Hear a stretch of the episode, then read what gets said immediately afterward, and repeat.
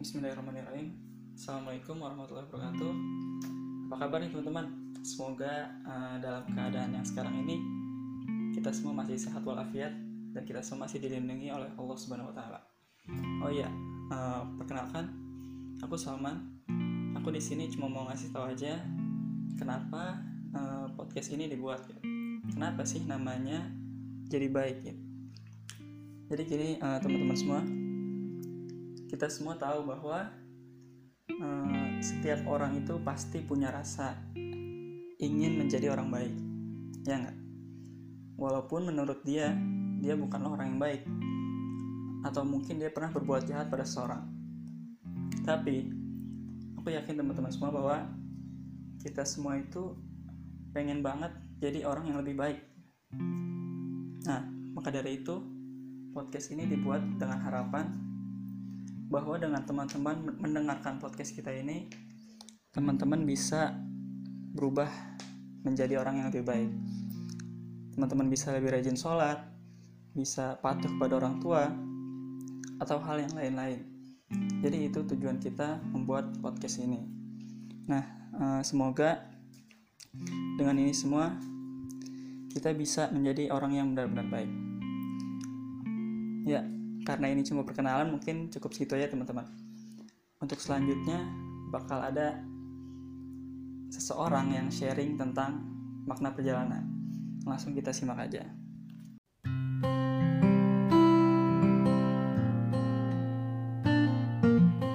Assalamualaikum warahmatullahi wabarakatuh. Innalhamdalillah Nahmaduhu wa nasta'inuhu wa nastaghfiruh wa na'udzu billahi min syururi anfusina wa min sayyiati a'malina. May yahdihillahu fala mudhillalah wa may yudlil fala hadiyalah asyhadu an la ilaha illallah wa asyhadu anna muhammadan abduhu wa rasuluh. Amma ba'du.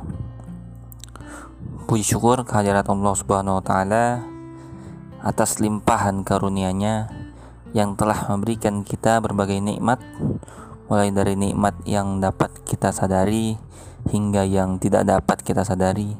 Mulai dari nikmat yang bersifat ruhania maupun yang bersifat jasa dia dan berbagai nikmat yang masih bisa kita terima hingga saat ini. Dan tentunya kita juga bersyukur dengan nikmat yang terbesar yaitu nikmat iman dan nikmat Islam. Sehingga kita masih bisa menikmati keindahan Islam sampai hari ini dan semoga Allah akan terus menurunkan sakinah ke dalam hati kita. Pada suatu hari, ada seorang budak bernama Mubarak. Mubarak ini bekerja di kebun anggur, di kebun tuannya yang sangat luas. Lalu suatu ketika tuannya datang dan memeriksa kebun itu. Hei Mubarak, ambilkan untukku anggur yang bagus. Lalu dengan lugu, Mubarak pun bergegas mencari anggur yang sudah matang, ya kan? Lalu setelah itu ia memetiknya dan dengan lugu anggur tersebut diberikan kepada tuannya. Lalu ketika diperiksa oleh tuannya, tuannya berkata, "Hei Mubarak, kamu bercanda. Anggur ini sudah busuk. Anggur yang banyak, empuk dan berair. Dan ini kau berikan kepadaku. Lalu dijawab, Oh saya sulah ya tuan. Iya kamu salah. Lalu Mubarak bergegas mencari anggur yang lain. Lalu ia cari anggur yang keras. Dan ketika dicek dengan tuannya setelah diberikan kepada tuannya, Hai Mubarak, yang ini matang saja belum Mubarak? Pasti rasanya asam sekali. Lalu ditanya oleh tuannya, Apakah engkau tak tahu bagaimana anggur yang matang? Lalu dijawab oleh Mubarak, Tidak tahu, ya tuan bagaimana ukuran anggur yang sudah matang. Lalu ditanya oleh tuannya, "Sudah berapa lama kau bekerja di kebun ini, Mubarak?" "Aku sudah bekerja di sini selama enam bulan, tuan." Lalu sang tuan berkata, "Selama enam bulan di sini, kau belum pernah mencicipi anggur di sini?"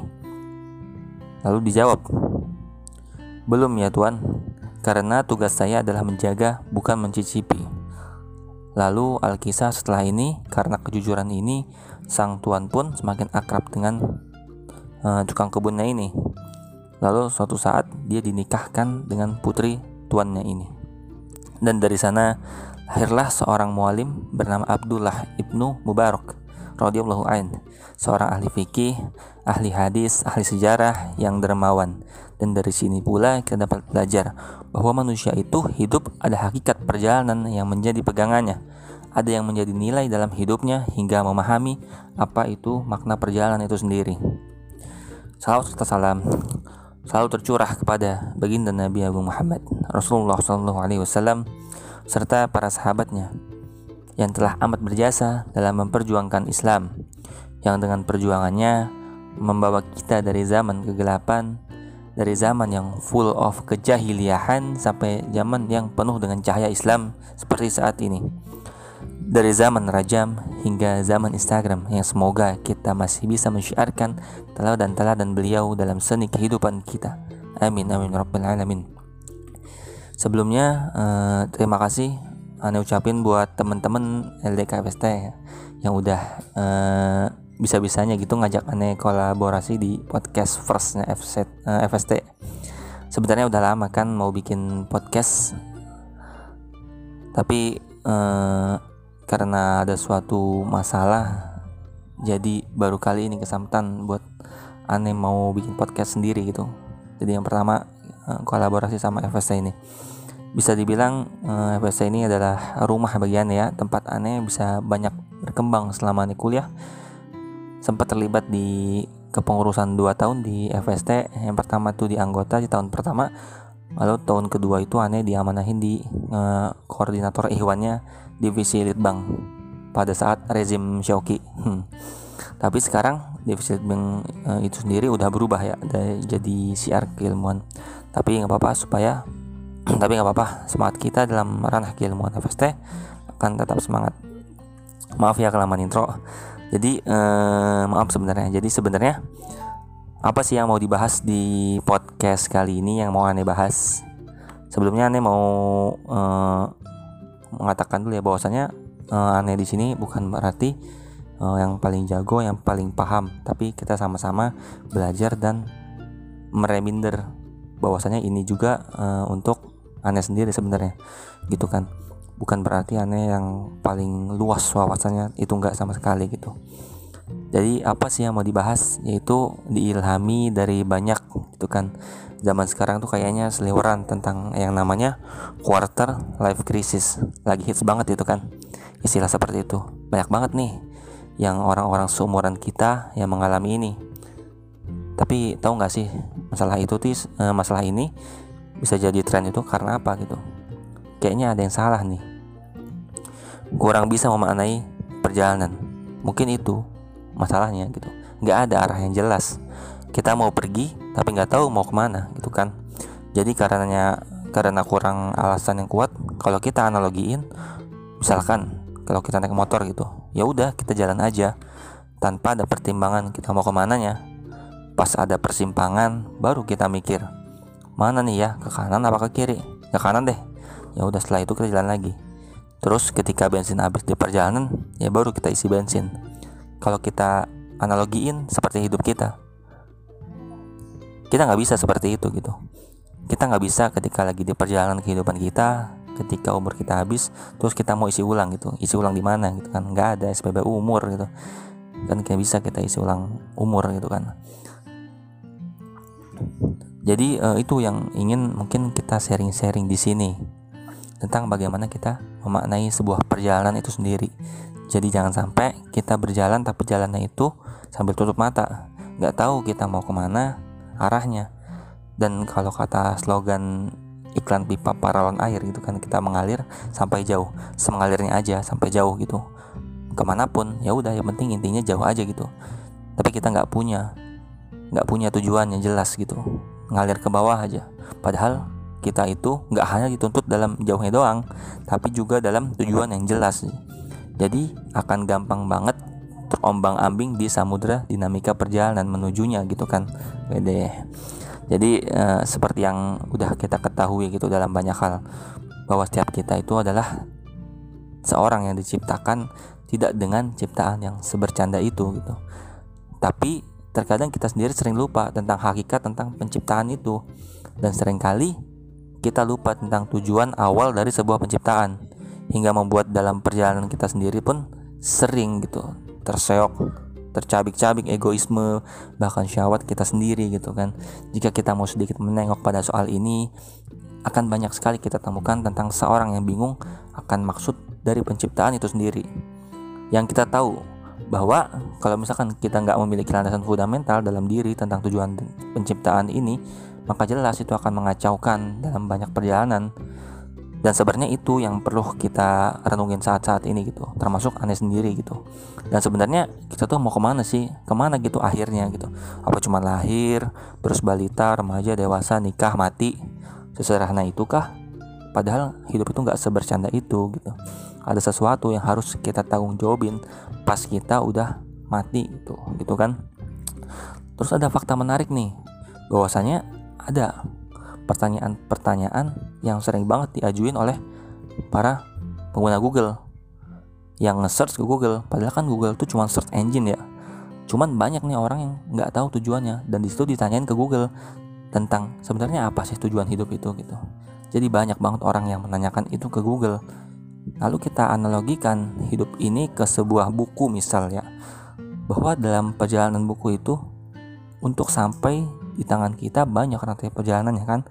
Dan ketika buku itu tipe nggak akan merubah makna gitu.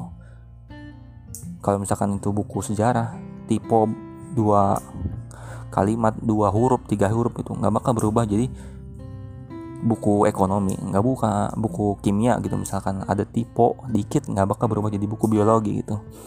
Tapi uh, sedangkan jika menciptakan kita yang tipe gitu jika kita itu di, diciptakan misalkan kita kan punya banyak kromosom ya ada kromosom kromosom ada gen dari DNA yang menentukan sifat kita yang menentukan apakah kita jadi manusia atau bukan itu namun ketika ada satu huruf aja gitu tipe dalam kromosom uh, kromosom kita itu nggak kebayangkan kalau kita ada miss satu atau dua kromosom dalam penciptaan kita ya kita nggak bakal jadi manusia lur. Ya kan? Ada tipe dikit kita bisa fail jadi human gitu kan jadi logikanya ya presisi dalam ciptaan manusia itu ya keren banget. Dan diciptainnya itu yang nggak sebercanda itu gitu. Ya terus balik kita ke tujuan. Sebenarnya tujuan hidup itu apa sih gitu? Pasti ada tujuan kan? Kalau kita coba lihat benda-benda di sekitar kita misalkan ini handphone yang aneh pegang gitu. Pasti kan ada tujuannya kan? Nggak cuma sekedar dibuat nggak cuma uh, sia-sia gitu fitur-fiturnya.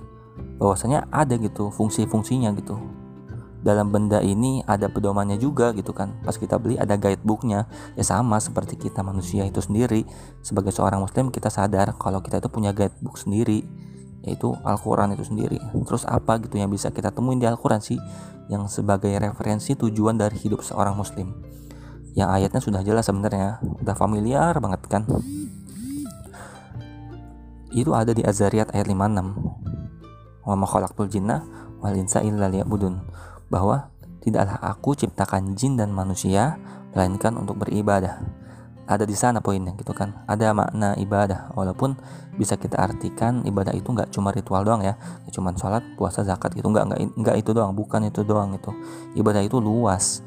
Apa pun yang diniatkan karena Allah itu bisa bernilai ibadah dengan syarat yang dilakukan itu adalah hal-hal yang berbau kebaikan. Nggak mungkin kan kalau kita mencuri gitu dengan niat karena Allah. Nggak bisa gitu. Jadi syaratnya itu kita harus punya nilai kebaikan. Dan itu diniatkan karena Allah. Dan tujuan ini juga harus menjadi pegangan akar dalam setiap perjalanan kita. Ada alurnya yang kita buat untuk mencapai tujuan akhir yang di akhirat itu. Dan dalam setiap perjalanan hidup kita itu ya kita dituntut. Dalam perjalanan itu untuk bisa lebih baik bisa bermanfaat dan mengelola apa yang udah kita punya sekarang untuk bisa bermanfaat untuk kita dan orang luas. Ada value yang bisa kita bagikan.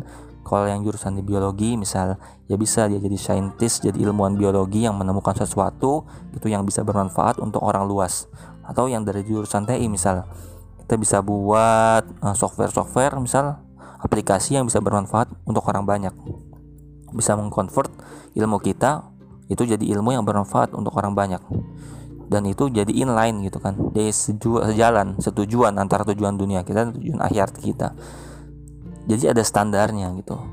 Standar dalam perjalanan itu yang bisa kita pegang untuk um, berjalan menuju keriduan Allah gitu kan. Jadi kalau aneh simpulin gitu summary-nya apa sih dari obrolan ini? Jadi bahwasanya perjalanan ini tuh nggak nggak dibuat dalam pedoman yang sebercanda itu gitu harus bisa kita memahami kembali sebenarnya apa sih hakikat dari kehidupan kita gitu. Sehingga kita nggak mudah oleng gitu. Kalau misalkan ketiup angin di jalan tiba-tiba jatuh yang nggak segampang itu kita roboh. Kita udah punya pegangan kuat dan paham tujuan kita tentang hidup ini gitu. Kita juga bisa untuk bisa lebih bermanfaat untuk banyak orang dari anugerah ilmu yang udah kita miliki. Itu itu aja sih mungkin yang aneh sampein gitu. Bahwasanya uh, yang perlu kita renungi diri, diri sendiri ya tentang hakikat kehidupan kita gitu. Semoga kita bisa lebih baik dalam memahami hakikat penciptaan kita diri sendiri itu sehingga kita dapat uh, menjalani perjalanan kehidupan yang penuh makna gitu. Mungkin sekian dulu ya obrolan ini gitu kan. Uh, yang ngalor ngidul podcast ini semoga ada baik yang bisa teman-teman ambil. Dan makasih juga udah mau menghamburkan waktunya untuk mendengarin omongan-omongan aneh ini. Kurang lebihnya aneh mohon maaf. Wassalamualaikum warahmatullahi wabarakatuh